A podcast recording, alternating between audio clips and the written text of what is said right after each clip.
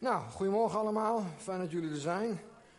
Zelfs van hier kan ik nog wat eh, lachende gezichten zien. En ik hoop dat het aan het eind van de preek ook zo is. Dus ik heb in ieder geval zo gepland dat het uh, middengedeelte af het begin wat negatiever is, want dat gaat over de mens. En dan later over dat ik hoop positief te, te eindigen.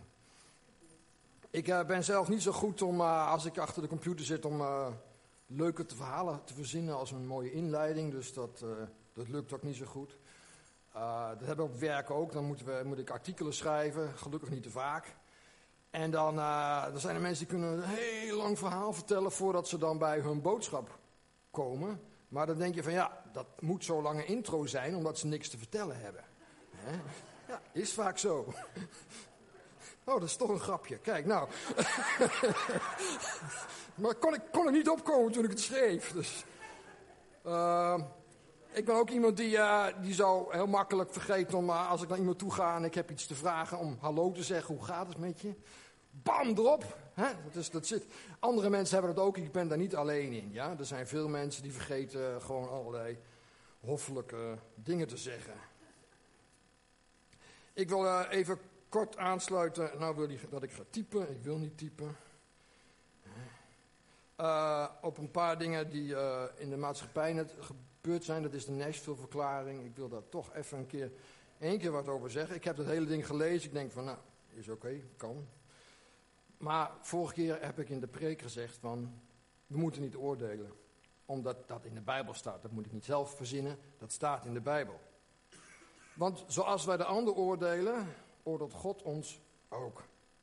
Maar niet alleen dat. Uh, de Bijbel zegt ook iets over mensen oordelen die buiten de kerk zijn. Dus er is een verschil in. Paulus heeft het daarover in 1 Corinthië 5.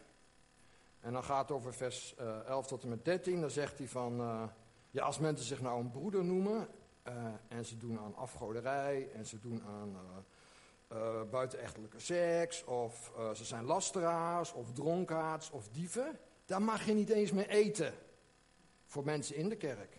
Dat is harder dan wat wij vaak doen. Maar dan zegt hij, wie zijn wij om de mensen buiten te oordelen? Oordelen wij niet alleen hen die binnen zijn, maar degene die buiten zijn, die oordeelt God. Wij kunnen mensen waarschuwen dat dat oordeel er is. Ja? Om hun te redden. Dat kunnen we doen. Maar eh, Paulus maakt duidelijk, wij gaan niet mensen veroordelen buiten de kerk. Binnen de kerk is het zelfs nog strenger dan wat wij vaak doen, want wij hebben de opdracht om mensen terecht te wijzen en zelfs uit te wijzen. Met het doel weer ze te redden. Dat wou ik even kwijt. Omdat het zo mooi aansloot bij mijn vorige preek. Uh, wat ik ook vorige keer gezegd heb, is dat wij, wij leven in de wereld. En de wereld beïnvloedt ons. En dat gaat heel makkelijk, omdat wij alles opnemen wat om ons heen gebeurt. Onze zintuigen zijn gewoon in, het, in, het, in, de wereld. En onze natuur is ook werelds. Wij hebben een zondige natuur. En wanneer dat goed op elkaar aansluit, dan uh, is een boodschap die in de wereld is, die gaat heel makkelijk de kerk in. Omgekeerd kan ook, maar dat kom ik op het eind op terug. Als dat een onschuldige gewoonte is, is daar niks mis mee. Wat, uh, wat doet het ertoe? Maar er zijn een boel dingen uh, die tegen de wil van God zijn. Die zijn in de wereld, tegen de wil van God. Wat doen we daarmee? Uh, we moeten ook ons realiseren dat we niet alleen tegen de regering te werken hebben of tegen onze vrienden, maar we vechten tegen de machten van de overheid, de overheid van de lucht. We vechten tegen Satan. En daarom hebben we ook een geestelijke wapenuitrusting nodig om te vechten tegen dat wat in de wereld is. Als je eh, allerlei boze brieven gaat schrijven tegen uh, verkeerde uh, ideeën van de regering, dan ben je weer op een menselijke manier bezig. En Paulus waarschuwt ervoor, we moeten dit als een geestelijk probleem zien. En ook dus, wanneer dingen de kerk binnendringen, dan moeten we daar geestelijk mee strijden. En dat betekent dus dat we ons op de goede dingen moeten richten. We moeten ons op God richten en uh, we moeten bijvoorbeeld aan onszelf willen sterven, dat soort dingen. Dan zijn we bezig met de geestelijke strijd en dan kunnen we daar tegen vechten.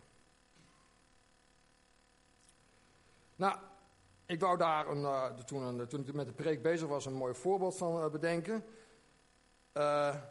En dan moet ik heel hard nadenken en dat vind ik helemaal niet erg. Maar in mijn werk betekent dat ik de hele tijd het nadenken ben en problemen moet oplossen. Dus het is zowel mijn werk als mijn hobby. Hey, ik, er werd laatst gevraagd van, nou ja, hoe zie jij jezelf binnen de gemeente? En op een gegeven moment dacht ik, nee, ik ben een denker. Dat is wat ik doe. Maar ik ben er wel eentje die graag met zijn handen bezig is. Uh, in mijn werk heb je theoretici, nou, daar snap ik ook niet veel van, wat die, wat die allemaal uh, uitdenken. En je hebt meer praktische mensen.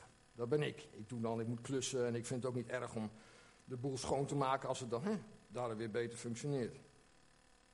Maar dat wil niet zeggen dat ik af en toe met hele rare ideeën kom waarbij mensen zeggen, well, ja, waar hou jij je mee bezig? Dat krijg ik vaak te horen, maar ja, daar moet u dan maar eh, mee leren leven ook, want uh, ik geloof niet dat dat verandert. Dus toen ik wat dieper aan het nadenken was van, uh, ja, wat, wat, wat wil ik daarover zeggen, wat, wat komt de gemeente binnen?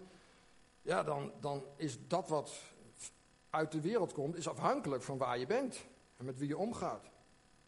We leven in Nederland, daar hebben we een, cultuur van, uh, van tolerantie, maar ook van direct zijn.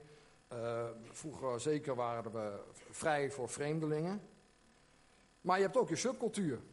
Dus de groepjes van mensen waarmee je omgaat. Dus uh, je kunt denken aan de sportclub, daar ga je anders met elkaar om dan in de kerk of op je werk. Maar er is wel een soort overgrijpende cultuur op het moment dat je elkaar vooral niet mag kwetsen. Je gevoelens mag je niet kwetsen. Dat is, hè, dat is nou iets wat ontzettend aan opkomen is. Uh, en dat is een soort hoofdcultuur, een westerse cultuur. En dan hebben we iedereen voor zich leeft in verschillende culturen. En dan kan het dus zijn dat wat je in de ene cultuur doet is goed en in de andere is fout. Dus dat is relatief. Dus ja, dan is het ook moeilijk om daar even lekker over te preken. Want ja, alles is afhankelijk van met wie je omgaat. Uh, dus neem een voorbeeld. Uh, als je hier in deze maatschappij nou wat negatiefs over de islam zegt, dan, nou ja, dat kan niet. Hè. Dat kan niet. Een heleboel mensen mag dat niet. Sommigen mogen het wel wel, maar over het algemeen mag dat niet. Maar ja, als je nou als koptische uh, christen in Egypte zit, ja, dan kan ik me voorstellen dat het negatief over de islam praten een goede zaak is. Wel ergens achteraf, want anders kost het je je kop. Maar dat kan.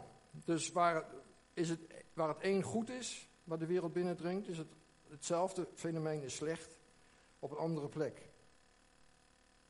Misschien een beetje verwarrend, ik heb nog een, uh, nog een voorbeeld, ik doe er een paar. Is, uh, uh, in het moderne Westen lijkt het erop dat op je gevoel afgaan een steeds beter iets is, behalve dat het niet altijd handig is met planning enzovoort. Maar we geven een hele hoge waarde aan gevoel. En uh, zo hoog dat uh, nou de vrijheid van meningsuiting aangetast wordt. Want we hebben nu het recht om niet beledigd te worden. Behalve als je dus een witte, heteroseksuele man bent, dan mag je natuurlijk wel beledigd worden. Dat is, dat is een trend die is in Amerika veel erger. Maar het is iets wat gaat groeien en daar gaan we steeds meer last van krijgen. En als man ook nog christen zijn, ja, dan zit je helemaal aan de verkeerde trend. En als we dat dan zouden zien in de kerk, nou dan weet je van oké, uh, de wereld kruipt de kerk binnen. Maar toen vroeg ik me af, zijn er geen dingen die, die niet overal gewoon gebeuren? Onafhankelijk van waar je ook bent en in welke tijd je zit. Wat vroeger goed was, is nou fout. Wat nu fout is, was vroeger goed. Zijn er dingen die, die algemeen geldig zijn? En ik ga het niet uitgebreid bewijzen voor u met allerlei, met duizend voorbeelden, want dan kom ik niet aan het positieve gedeelte van mijn preek toe. En dat is ook niet de bedoeling. Uh, maar dat wat overig geldt is dat wij als mens zijn gek op status. Het maakt niet uit in welke groep je zit. Wij als mensen zijn gek op status, op aanzien, op respect. Om geliefd te zijn. dat is een overtreffende trap. Alleen hoe je dat voor elkaar krijgt, dat is weer afhankelijk van je cultuur. Dus uh, als je ge, uh, gerespecteerd wil worden in de maffiawereld, dan, ja, dan moet je iemand omschieten of zo, of mensen goed bedriegen en veel stelen. Dan heb je status. Dat willen we graag. Maar als je in de kerk bent, moet je dat vooral niet doen. Maar dat we status willen, geldt ook in de kerk. Dat hebben we gezien en dat zie je overal. En dat geldt ook in Azië. Mensen streven naar status. Maar hoe je die status bereikt, dat is een andere vraag. Maar dat het willen, dat zit erin gebakken. Dat zit, dat zit niet in onze grote hersenen, dat zit wat we noemen in de hersenstam. Dat zit er heel diep in. En als je naar de, naar de natuur kijkt, gebeurt het ook. Er wordt altijd gezegd, alfamannetje, beta-mannetje, kammermannetje. En dan gaan ze dus met elkaar vechten en dan hebben ze hun status bepaald. En dan is er vrede. En op het moment dat dat niet duidelijk is, dan gaan ze ruzie maken. En dan doen wij ook op een andere manier. Mannen en vrouwen, hè, trouwens. Niet denken dat dat... Uh... Alleen we hebben andere tactieken en andere manieren om onszelf omhoog te werken. Maar we doen het allemaal. Uh, en er zijn twee dingen. Dat is de status die wij mensen geven. En de status die wij denken dat wij verdienen. En daar ligt vaak een heel groot verschil tussen. Want er zijn mensen, nou die kennen jullie vast wel, die vinden zichzelf zo belangrijk. Dat je bijna moet overgeven. Ja? je denkt van, ma. Maar die mensen geloven dat ze echt heel belangrijk zijn. En die krijgen daar een goed gevoel van. En als mensen dat dan bevestigen, ja, mooier is het niet. Tegenovergesteld, mensen met een vreselijk minderwaardigheidscomplex voelen zich altijd rot, voelen zich nooit gewaardeerd. Gaan in een hoekje zitten uit schaamte. Maar als je die mensen leert kennen en je merkt dat ze weten waarover ze praten, en je gaat naar ze luisteren, ja, dan kun je hopen dat ze daardoor ook meer hun eigen waarde gaan zien. Maar het voelt gewoon beroerd. Als jij denkt, als jij voelt, dat is twee dingen. Je krijgt geen status, dat voelt beroerd. Of jij voelt dat je geen status hebt, dat voelt ook beroerd. En wij streven ernaar dat weg te krijgen. En het liefst ben je dus in een groep die dezelfde uh, de waardetabel heeft van als je dat en dat en dat doet, dan ben je, heb je hoge status. En als je dat en dat en dat doet, heb je slechte status. En als dat goed bij jou past, dan voel je je lekker in die groep. Nou zeg ik niet dat we de hele tijd bezig zijn met, oh ik moet mijn status verhogen. Ik, ik ben er nooit mee bezig. Nee, dat zit veel dieper. Het is meer de vraag van, hoe, hoe, hoe kijken mensen ernaar als ik dat doe? Wat gebeurt er als ik dit en dat doe? Zo'n zo, vraag dat je een beetje denkt, hmm, als ik nou vandaag dit zeg, wat denken jullie dan van mij? Krijg ik straks in mijn kop, wat dan ook. Dat voelt dan vervelend en de status verlagend. Ik dacht dat ik niet zo statusgevoelig ben, maar en dat ik, ben, ik ben vroeger altijd een uh, Einzel, Duitsers daar een Einzelganger, is dat woord in Nederlands. Weet ik niet, een beetje zonderling, uh, buiten de groep. Uh, en daar, daar kon ik, eenling, ja, ook een goed woord. Daar kon ik, dacht ik wel heel goed mee omgaan, maar en, ik, dacht altijd, ik ben niet zo statusgevoelig. Maar hoe ouder je wordt, hoe meer je, als het goed is, jezelf leert kennen. Als, jij, als jij nu nog steeds over jezelf denkt, hè, als je 60 bent of 50, als toen je 18 was, dan moet je beter in de spiegel kijken, denk ik. Want niet alleen verandert je uiterlijk, je innerlijk verandert ook. En je zou uiteindelijk moeten inzien dat je van bepaalde dingen afhankelijk bent. Nou, als ik uh, voor mijn wijs op uh, reis ben, waar mensen me niet zo goed kennen, dan, uh, dan kan ik mijn status een beetje verhogen door een pak aan te doen en een stroptas op te doen. En vooral als ik naar de medische wereld zou gaan, dan ja, ik word niet eens serieus genomen. Als ik nou zo hè, met dit shirt en oorbellen naar een medische conferentie ga, dat is, dat is tactisch heel dom. Dat doe je niet. Dat werkt niet. Dan word je gewoon voor niet serieus uh, genomen. Maar ga ik naar een sportclub, dan interesseert geen mens hoe je je aan, aankleedt. In feite is het andersom. Als ik na het sporten in een pak ga met een stropdas, dan denken ze, ja, die is niet normaal. Dus hetzelfde wat ik doe is nog steeds, afhankelijk van waar, waar ik ben, kijken mensen positief of negatief naar iets. Maar het centrale thema blijft de status. Uh, je kunt denken aan uh, mensen die heel veel geld hebben. In onze maatschappij, bijna alle, maar niet overal, uh, is veel geld hebben hoge status. In de christelijke wereld zou je kunnen zeggen van nou, nou, nou, die kan ook wel wat meer weggeven. Hè? Maar, maar als jij heel veel geld hebt en iedereen kijkt je met de nek aan, wat moet je met dat geld? Dan ga je echt last van krijgen. Dus ga je waarschijnlijk proberen naar iets toe te gaan waar mensen wel tegen je opkijken. Om je status te verhogen. Om je beter te voelen. Goed. Dat is wat de wereld ervan maakt. En uh, we kunnen dat ook zien in de, in de kerk soms. Uh, dan moet ik even kijken of ik niet op mijn, op mijn eigen preek vooruit loop. Dat is altijd heel handig. Daar heb ik vaker last van hoor. Dus. Maar je kunt ook kijken van uh, wat gebeurt er in de kerk. hebben wij daar last van? Nou, je kunt heel goed naar de, naar de Rooms-Katholieke kerk kijken. Dan kunnen we zogenaamd doen van, oh slecht. Hè? Dat, de Bijbel zegt, noem mezelf niet meester of rabbi. En verdraait nog aan toe, dan hebben, de, hebben ze in de Rooms-Katholieke kerk zelfs een heilige vader als de paus. Ja, dat is pas status. Jezus zegt, God is jullie vader. Noem niemand in de wereld je vader. Hè? En wat doen wij, of de Rooms-Katholieke kerk, wij noemen uh, niet alleen dat, we noemen hem vervanging van Petrus en dat soort dingen. Dat is een titel krijgen die je status verhoogt. Maar hier doen wij het ook. In de protestantse kerk zijn er heel wat predikanten die genieten van aanzien hebben. En er is nou een moderne trend dat, uh, dat we weer uh, met apostelen gaan werken. De apostel heeft dan de, de, hoogste titel die je kan bedenken, de hoogste status. En ik denk van ja, dat is interessant. En dan vooral voor mensen die al heel bekend zijn, die worden opeens apostel. Dan denk ik van, waarom worden die mensen niet opeens de laagste dienaar? Een nieuw ambt. De nederigste dienaar. Uiteindelijk deed Jezus dat ook. Maar dat vinden we niet leuk. Dat gaat tegen ons statusgevoel in. Dus, we gaan eens kijken wat de Bijbel erover zegt.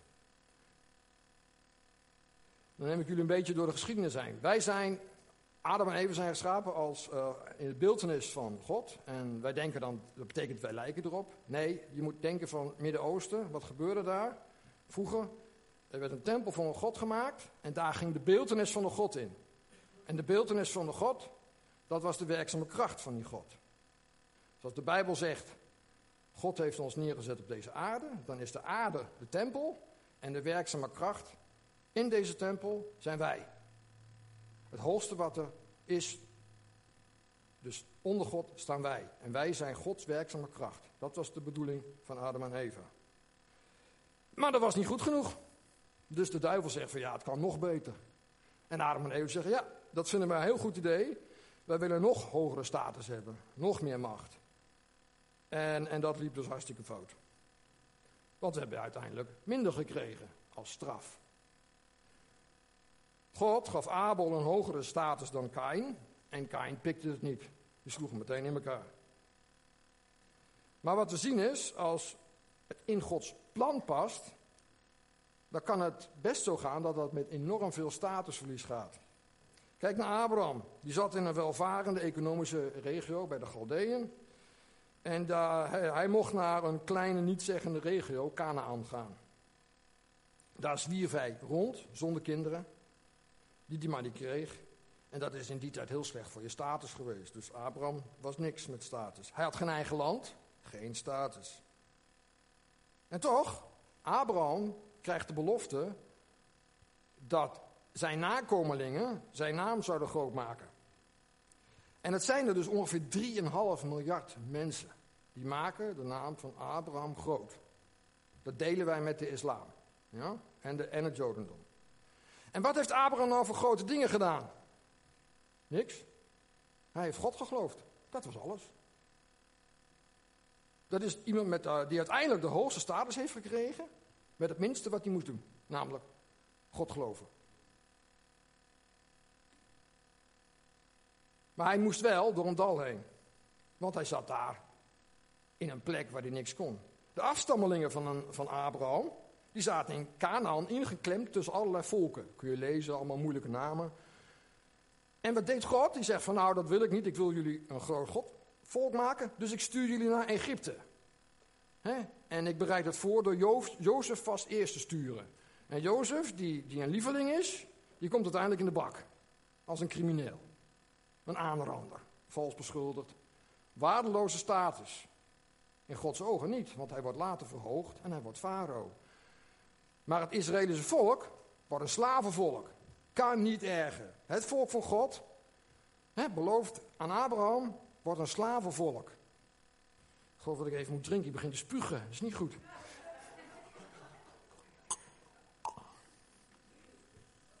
Niet persoonlijk nemen, hè? dat is gewoon een afwijking. Dus, het volk van God krijgt de laagste status. Slaaf, slavenvolk. En waarom? Nou, dan kan God ze bevrijden en zij kunnen nooit claimen dat ze het zelf hebben gedaan. Alle eer gaat naar God. Jullie minder, ik meer. En daar heeft hij volste recht toe. Hij is de pottenbakker, wij zijn de potten. Mozes was zoon van Farao, komt uiteindelijk als simpele herder in een onvruchtbaar gedeelte van eh, ergens de Sinaï terecht. Heeft niks meer te zeggen, al zijn status kwijt, maar hij wordt later weer verhoogd. Met een volk dat helemaal geen zin heeft naar hem te luisteren. En uh, liever rijk is en slaaf dan arm en rondlopend en vrij in de Sinaï.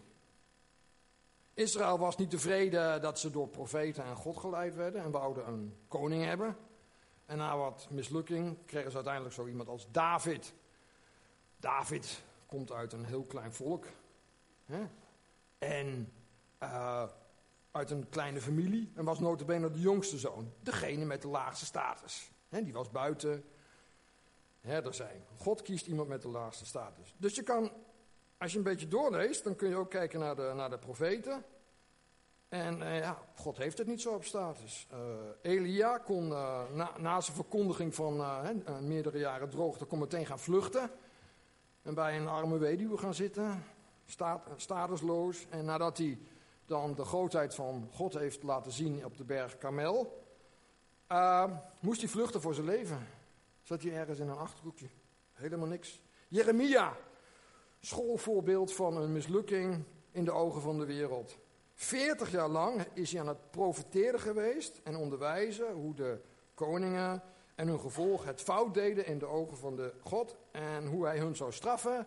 En uiteindelijk is hij vermoord ergens, denken ze, in Egypte. Geen succes, waardeloos, profeet van God. Ezekiel, Ezekiel 4.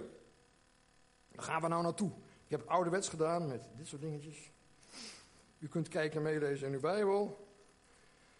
Ezekiel die krijgt een opdracht als profeet. En hij zegt in Ezekiel 4 vers 1.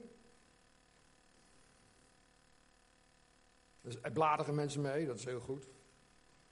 En dat komt niet op het scherm, hè? niks op het scherm. De man daar achter de knoppen, en Martien heeft lekker rust. Niks te doen. Dat is heel fijn om niks te hoeven te doen, dan vraagt geen concentratie. En u, mensenkind, neem u een tegel, leg die voor u neer en teken erop een stad, Jeruzalem. Beleger het, slaap er leg op, bouw er een, een uh, schans tegen, werp er een leger uh, schans tegen aan. Hij moet een maquette maken. En dan in uh, vers 4. En u, ga op uw linkerzij liggen en leg erop de ongerechtigheid van het huis van Israël. Zoveel dagen als u erop ligt, zult u hun ongerechtigheid dragen. 390 dagen lang ergens in het ballingschap voor een maquette liggen. Nou, dat is statusverhogend. Is hij klaar, moet hij op zijn andere zijde gaan richten. Liggen 40 dagen lang op zijn rechterzij gaan liggen. Nou, veel erger kan niet. En dan, klaar, vers 8. En zie, ik zal touwen om u heen slaan, zodat u zich niet kunt omkeren van uw ene zij op uw andere zij. Totdat u de dagen van uw belegering hebt voltooid. Fijn, lig je daar. Iedereen kan je zien, profeet van God. En u, neem uw tarwe, gerst, bonen, linzen, gierst en spelt dan mag je daar wat eten, dat is helemaal niet zo slecht. En dan vers 12, u moet verder een gerstekoek koken en die voor hun ogen bakken op klonten menselijke stront. Uitwerpsel is veel te netjes. Stront gewoon. Hij moet koken op stront. Nou, koeienstront, dat gaat nog, koken. Maar menselijke stront, ik weet niet of je dat kent, ik word er echt het enige wat erg is, is koeien of hondenstront. Dat stinkt ook vreselijk. En kattenstront, dat echt... Dus op een gegeven moment zegt, zegt hallo, hallo, God, uh, dat is van alles goed, maar mensenstront, ik ben echt rein geweest, dus dat, hè. Maar God is bereid jou dingen te laten doen die echt super vernederend zijn. Nou, is al wel mooi, hè? Hosea. Hosea is ook een heel apart iemand. Hosea 1, eerst vers 2. Ga, neem u een vrouw van de hoererijen en kinderen van de hoererijen. Want het land wendt zich een schandelijke hoererij van de Heer af. Hij mag, Hosea, profeet van God, hè, hoge status denken we. Hij mag de mensen uitleggen van, jullie doen het niet goed. En hoe doet hij dat? Hij moet uh, een hoer trouwen. En dan krijgt hij een kind, en de eerste is uh, Israël. En dan krijgt hij een tweede kind, geef haar de naam Lo uh. Kind met de, de naam uh, niet ontfermen. Nou, ben je kind, onschuldig, je krijgt de naam niet ontfermen. Fijn. En jij als, als man als, uh, hebt, een, hebt dan een hoertje als een vrouw. En het kind noem je niet ontfermen, ontfermen. En het derde kind noem je niet mijn volk. Echt statusverhogend. Niet dus. En we kunnen ons voorstellen, in de moderne wereld, wij, wij, wij krijgen een nieuwe oudste. En die zegt op een gegeven moment, ja, God heeft mij gezegd dat ik uh, een hoertje moet trouwen. En ze ziet er trouwens niet slecht uit. Uh, goed idee, hè? Nou, die wordt de kerk uitgetrapt. Die is, die is niet goed bij zijn hoofd. Die, die, die, die manipuleert de boel. En dan het toppunt. Filippenzen 2, vers 5 tot en met 9.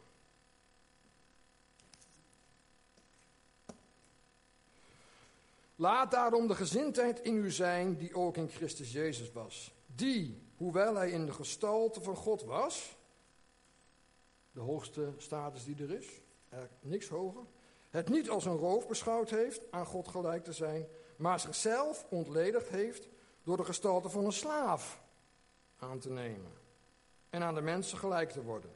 En in het gedaante als een mens gevonden heeft hij zichzelf vernederd en is gehoorzaam geworden tot in de dood.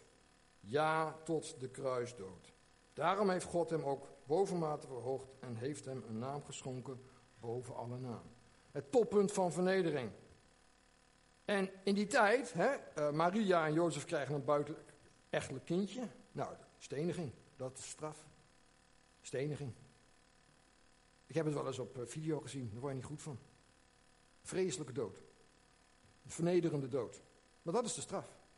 Nou, ze vluchten en Jozef maakt het goed, dus ze hoeven niet gestenigd. Maar wat denk je eh, voor, de, voor die mensen zelf? Ze komen terug met een, uh, in, in, in, uh, in Nazareth, met een, of in Bethlehem, met een, nou raak ik zelf nog, Nazareth. met een kind, een buitenechtelijk kind. Nou, fijn voor het kind zeg. Dus dan zit je daar, het grootste wat er is, en je zit in een niet-zeggend dorp. Op een niet-zeggend stuk land. Het is daar niet wat je zegt, nou mooi, hè, daar in dat Noord-Israël. Met ouders in een niet-zeggende dorp die niks te zeggen hebben. Want ja, buitenechtelijk kind. Kort gezegd, heel fijn. Dan mag Jezus waarschijnlijk zo rond zijn dertigste het goede nieuws gaan verkondigen over Gods koninkrijk met een paar ja, doodnormale mensen die hem amper begrepen. Ook heel fijn. Rondzwerven en je boodschap brengen aan mensen die er soms vijandig op reageerden is nou ook niet echt wat je noemt statusverhogend. Terwijl je allerlei krachten hebt. En de mensen met status in de maatschappij die hebben een bloedhekel aan je. Ook niet fijn. En dan uiteindelijk wordt hij als de ergste crimineel behandeld en wordt hij gekruisigd in het openbaar en kunnen mensen je zien lijden. Dat moet je ook wel beseffen. Hè? Mensen zien je gewoon, waarschijnlijk met een doekje nog om en je hangt daar naakt, uh, vreselijk pijn te hebben. En dat kan iedereen zien. En je nog uitlachen ook. En zelfs gaat het zover dat je de beroerdste status hebt die je maar kunt voorstellen, want God wil je niet meer zien. Erger kan niet. Van hoogste naar laagste. En God vindt het goed. Nou, dan is het wel over, zou je denken. Ook niet. Jezus heeft zelf gezegd: uh, Jullie gaan vervolgd worden zoals ik vervolgd word. En als je vervolgd bent en versmaad, dat is geen goede status. Ja, Stefanus wordt in Handelingen 7, vers 59 gestenigd. Nadat Petrus en Johannes al in het gevangen waren geweest. Jacobus wordt door Herodes onthoofd omdat hij zijn mond opendeed. En Paulus wordt later door de Joden keer op keer gestraft. Hij wordt gestenigd, hij wordt meerdere keren met zwepen geslagen. En het is niet zo'n dingetje met zo'n... Hè? Dat, zijn, dat zijn dingen met zeven, zeven leren strips met aan de achterkant uh, knotjes en, en, uh, en, haken. Als je daar één klap van krijgt, dan liggen wij al in het ziekenhuis. En uh, dan kun je praten over beledigd worden en je gekwetst voelen. Nou, dan ben je gekwetst, maar dan je lichamelijk en meer. En Dan doe je zo je best, je offert alles op. En dan gaan de mensen die je tot geloof hebben gebracht in Korinthe ook nog een keer zeggen van ja, maar jij bent geen echte apostel. Want jij laat je niet eens betalen. Dus echt. Dan zichzelf nog lopen verdedigen. De apostel waar we de Bijbel aan danken, voor een groot gedeelte, hè, een groot gedeelte van, het Nieuwe Testament, daar, daar wordt op neergekeken. We kunnen niet anders uh, concluderen dat uh, God totaal niet geïnteresseerd is in onze status, als het hem uitkomt. Dat is precies omgekeerd met wat er in de wereld is. Hij kijkt naar ons hart, naar het wezen van de mens. En hij heeft voor onze bestemming. En hij weet hoe hij ons wil gebruiken. Maar onze menselijke status, dat interesseert hem niet. Helemaal geen interesse. En als we tot God bidden van, uh, hier mag ik, uh, mag ik voor u werken en uh, mag ik alsjeblieft eens doen wat heel erg statusverhogend is, hoef je niet te rekenen. Ja, een beroemde predikant worden, hmm. beroemde muzikus, het lukt een heleboel mensen om beroemd muzikus te worden, maar als God zo al niet interesseert wat de status van zijn zoon is, denk je nou echt dat als jij veel status krijgt in de kerk, dat dat van God komt? Misschien, als het past. Maar als het niet past, dan niet. Heeft Jezus nog wat te zeggen? Ja hoor.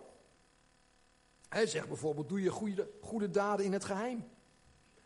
Als je gaat vasten en bidden, doe het ergens achteraf. Loop niet zo voorop te lopen, doe het op een geheime plek.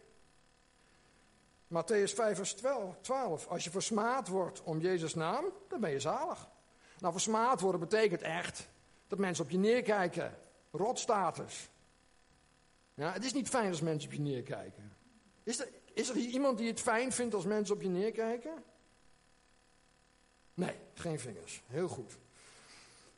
Nou, ik vind het ook ontzettend vervelend. En dat heeft te maken met onze status ook. Wij voelen ons aangetast. Jezus legt uit hoe schriftgeleerden en fariseeën status zoeken. En hij legt uit dat we ons helemaal geen titel moeten aanmeten. Hè, wat ik al zei. Uh, geen darby, geen leraar, geen vader. Alleen de titel van dienaar. Dat is oké. Okay. Een goede titel. In uh, Matthäus 23 legt hij op een gegeven moment uit van dat, hè, dat de mensen zijn bij een market en die willen dan vooraan gaan zitten. En dan zegt hij niet doen, ga maar, ga maar achteraan zitten.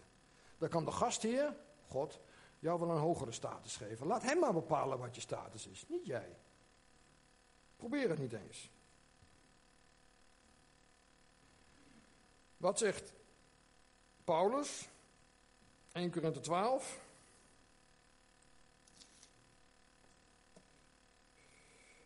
Daar legt hij uit dat wij samen een lichaam zijn. 1 Korinther 12 is het stuk over het lichaam. En de mensen waren een beetje ruzie aan Ja, maar ik ben een profeet. Ik ben meer waard dan jij. Dat is wat hij zegt. Paulus zegt, je bent één lichaam. Hoe kun je dat nou zeggen? Hoe kun je nou zeggen dat ik ben, een, ben maar een vinger en het oog is meer waard? Is niet zo. Je bent een lichaam. Er is geen meerwaarde. Hij draait het om. Hij zegt op een gegeven moment van... Nou, dat wat wij uh, als het zwakste zien, als het minste... Dat is het, dat, is, dat is het beste. Dat is goed. Dat is wat status krijgt. Uh,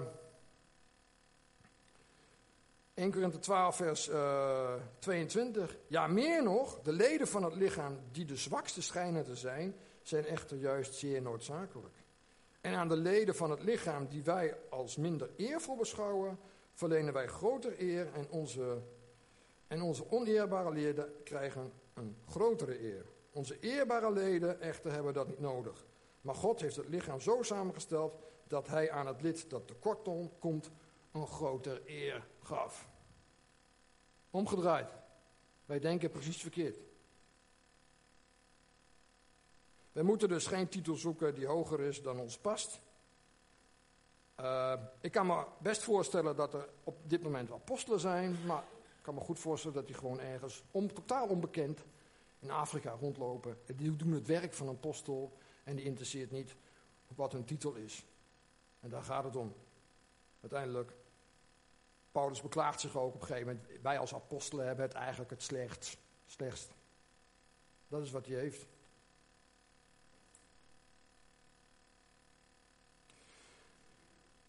Dat wij dit nou eenmaal hebben, dat is een gegeven van onze natuur. Dat wil echter niet zeggen dat wij moeten meedoen met wat onze natuur ons aanleert. We moeten ons niet laten leiden door onze hang om geaccepteerd te worden. Door onze hang om naar een grotere status te, krijgen en te streven. Onder onze vrienden of onder onze, de mensen om ons heen. Maar het is juist prima om te accepteren dat we een lagere status krijgen.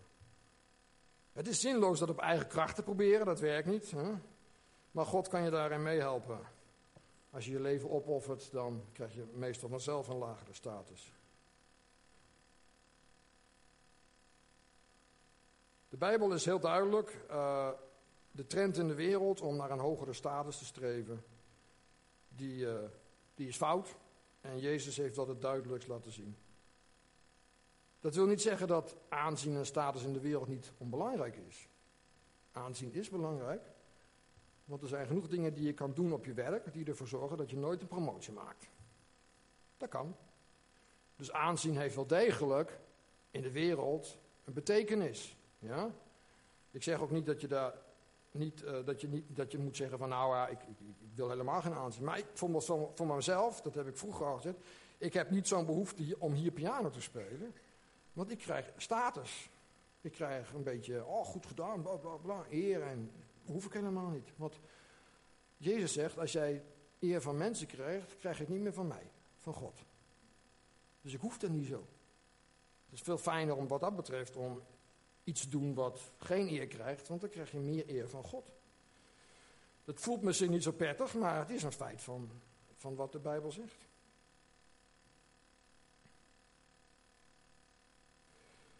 Uh, nou moeten we ook bedenken dat in de, in de wereld is, is heel, in onze wereld is voor een groot gedeelte materialistisch. We zijn niet allemaal atheïsten, maar we zijn materialistisch. En een heel groot gedeelte van mensen gelooft niks meer. Dat betekent dat eigenlijk de waarheid, hoe het in elkaar zit, binnen een materialistisch denken uh, patroon helemaal niet leuk is. Want je leven is zinloos. Je bent zinloos geboren, je gaat zinloos dood, je bent op een planeet in een zinloos stukje van het heelal. En het heelal is ook zinloos, want alles gaat kapot. Je hele leven heeft geen zin. Je bent niet veel meer dan een gecompliceerd, hopeloos eiwitblopje. Dat ben je. Een eiwitblopje. Wat is dan het hoogste wat je kan hebben? Je gevoel. Het hoogste wat je is, je prettig voelen. Belangrijkste wat er is.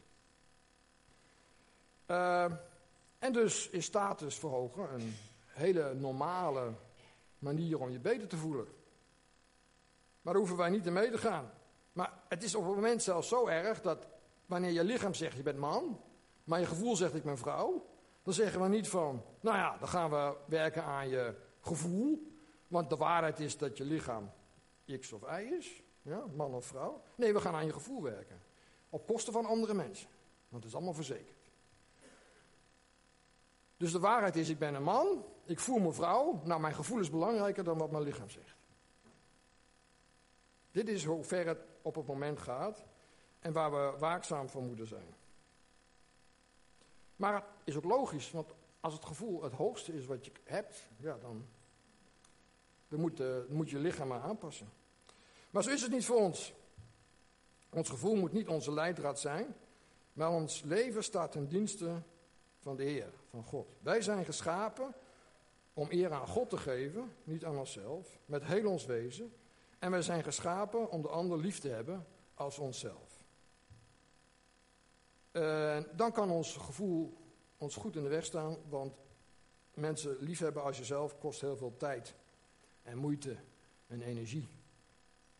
Het gaat dus ten koste van onszelf en ons aanzien. Wanneer we ons op God richten, op dat wat in de hemel is, hè, eerst richten op het koninkrijk van God, dan is dat allemaal niet zo wezenlijk. Pas als we ons op ons eigen gevoel richten, komen we in conflict met wat God van ons verlangt. En dit is wat Jezus duidelijk genoeg in de bergreden uitlegt. Zoek eerst het koninkrijk van God en dan zal je gegeven worden wat je nodig hebt. Als we van Jezus getuigen, kan en zal uh, dat steeds meer tot smaad leiden. Dat gaat gewoon gebeuren, dat is al in een hele grote gedeelte van de wereld zo en dat is zo geweest. Dat is nou in China aan het groeien en wij zullen het ook krijgen. Mensen gaan op ons als christenen neerkijken. kun je gewoon voorspellen. En vooral, uh, dat wordt erger wanneer medechristenen dingen gaan roepen uh, en doen die vooral niet conform de wereldse visie zijn, of zelfs de Bijbelse visie. Uh, elke keer dat er weer een geval van ontucht is binnen de kerk, dan overvalt mij een gevoel van schaamte. Hoe kunnen we zo ver afdwalen als christenen? Hoe krijgen we het in ons hoofd Jezus zo te beledigen met ons gedrag? Maar ook zullen we moeten accepteren dat onze boodschap, hoe mooi die ook is, door steeds een, een groter gedeelte van de mensen niet gehoord wil worden. En wij zullen daarom gehaat worden. Omdat wij, hè, en dat doet afbreuk aan onze wereldse status. Dat voelt misschien niet goed, maar Jezus zegt dat het wel goed is. Uiteindelijk moeten we een paar dingen voor ogen houden. Positieve gedeelte van de preek. Ook al. Wij zijn kinderen van God. Wij zijn zonen en dochters. Als het goed is, zijn wij weer het van God.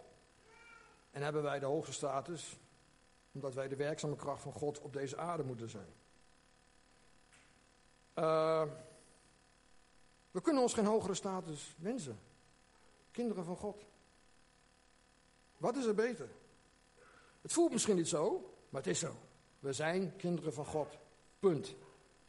Onze status is heel erg oké, hoe negatief de wereld ook over ons denkt. Maar in plaats van dat wij ons laten beïnvloeden door de wereld, kunnen wij ook zeggen: wij gaan de wereld beïnvloeden. Wij zijn sociale wezens. Zij kunnen ons beïnvloeden, wij kunnen hun beïnvloeden. En dat kon wel eens niet gemakkelijk gaan. Maar beïnvloeding werkt twee kanten op.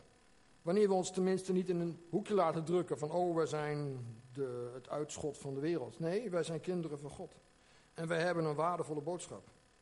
Want de boodschap die we hebben, het evangelie dat we brengen, is de mooiste boodschap en de waar, waarste boodschap die er is. We kunnen allemaal kinderen van God zijn, omdat God van ons houdt. We hoeven niet om de liefde van God te vechten of deze te verdienen, maar we krijgen hem aangeboden door hem omdat Jezus Christus voor ons gestorven is op het kruis. Wij kunnen deze status krijgen zonder ervoor te betalen. En wij hebben al niet betaald. Terwijl we eigenlijk diep en diep in de schulden zitten. Kunnen wij op de mooiste plek van het heelal komen. In het hart van God. Er is geen mooiere, warmere, veiliger plek dan daar. En iedereen kan er komen. Onze boodschap is een boodschap van hoop voor iedereen. Niemand is bij voorbaat uitgezonderd. Iedereen mag hoop hebben op een glorieuze toekomst die vanaf elk moment kan beginnen. Onze boodschap is een boodschap van genezing. Ten eerste van de geest en de ziel, maar ook van ons lichaam. Elk onderdeel van ons kan onder het gezag van God hersteld worden tot zijn oorspronkelijke doel en functie. Onze boodschap is een boodschap van bevrijding. Een bevrijding van het duister waar Satan heerst naar een positie van licht, waar Jezus heerst. Iedereen kan bevrijd worden van zijn of haar gevoelens, angsten, onzekerheid, behoefte aan waardering, status en eer. Niets is een gevangenis die sterk genoeg is om niet door de liefde van God doorboord te worden. Want de muren van ons hart gaan omver omdat Jezus ervoor gekozen heeft om ons van onszelf te bevrijden en onze verbindenis met de duivel en de dood te vernietigen. Onze boodschap is een boodschap van liefde. Wanneer de liefde van God ons hart bereikt, kunnen wij deze liefde verder uitdelen. Onze liefde is dan niet een vaag gevoel, maar een verlangen om goed te doen voor de ander, zoals wij goed doen naar onszelf. Wanneer de liefde van God ons hart bereikt, worden wij ook vrij van onszelf, want dankzij God kan onze liefde ook weer uitgaan naar onze medewens. Onze boodschap is een boodschap die op waarheid berust en niet op gevoel. Het is een boodschap van zekerheid, omdat we weten dat God ons nooit verlaat omdat hij dat beloofd heeft. Het is een boodschap om blij van te worden, omdat hij niet op onze eigen kunde rust, maar op die van de schepper van hemel en aarde. Het is een boodschap van verwondering wanneer we naar de hemel kijken, wanneer we naar de natuur kijken en zien hoe groot en creatief onze schepper is. Het is een boodschap van de diepste genade die er is. Onze boodschap is een boodschap van, die leidt tot eeuwig leven. Een leven dat nu al kan beginnen en waarin wij dankzij de genade van God de tijd krijgen om te groeien naar het beeld van Jezus toe. Ik hoop dat mijn drang om in aanzien te staan voor mensen met de dag minder wordt. En dat ik voldoende heb aan de status en het aanzien dat God mij geeft. Namelijk als een van zijn kinderen. Geliefd en gewild. Geaccepteerd voor wat ik ben. Met de hoop op iets mooiers. En ik hoop ook voor jullie dat jullie zo mogen groeien.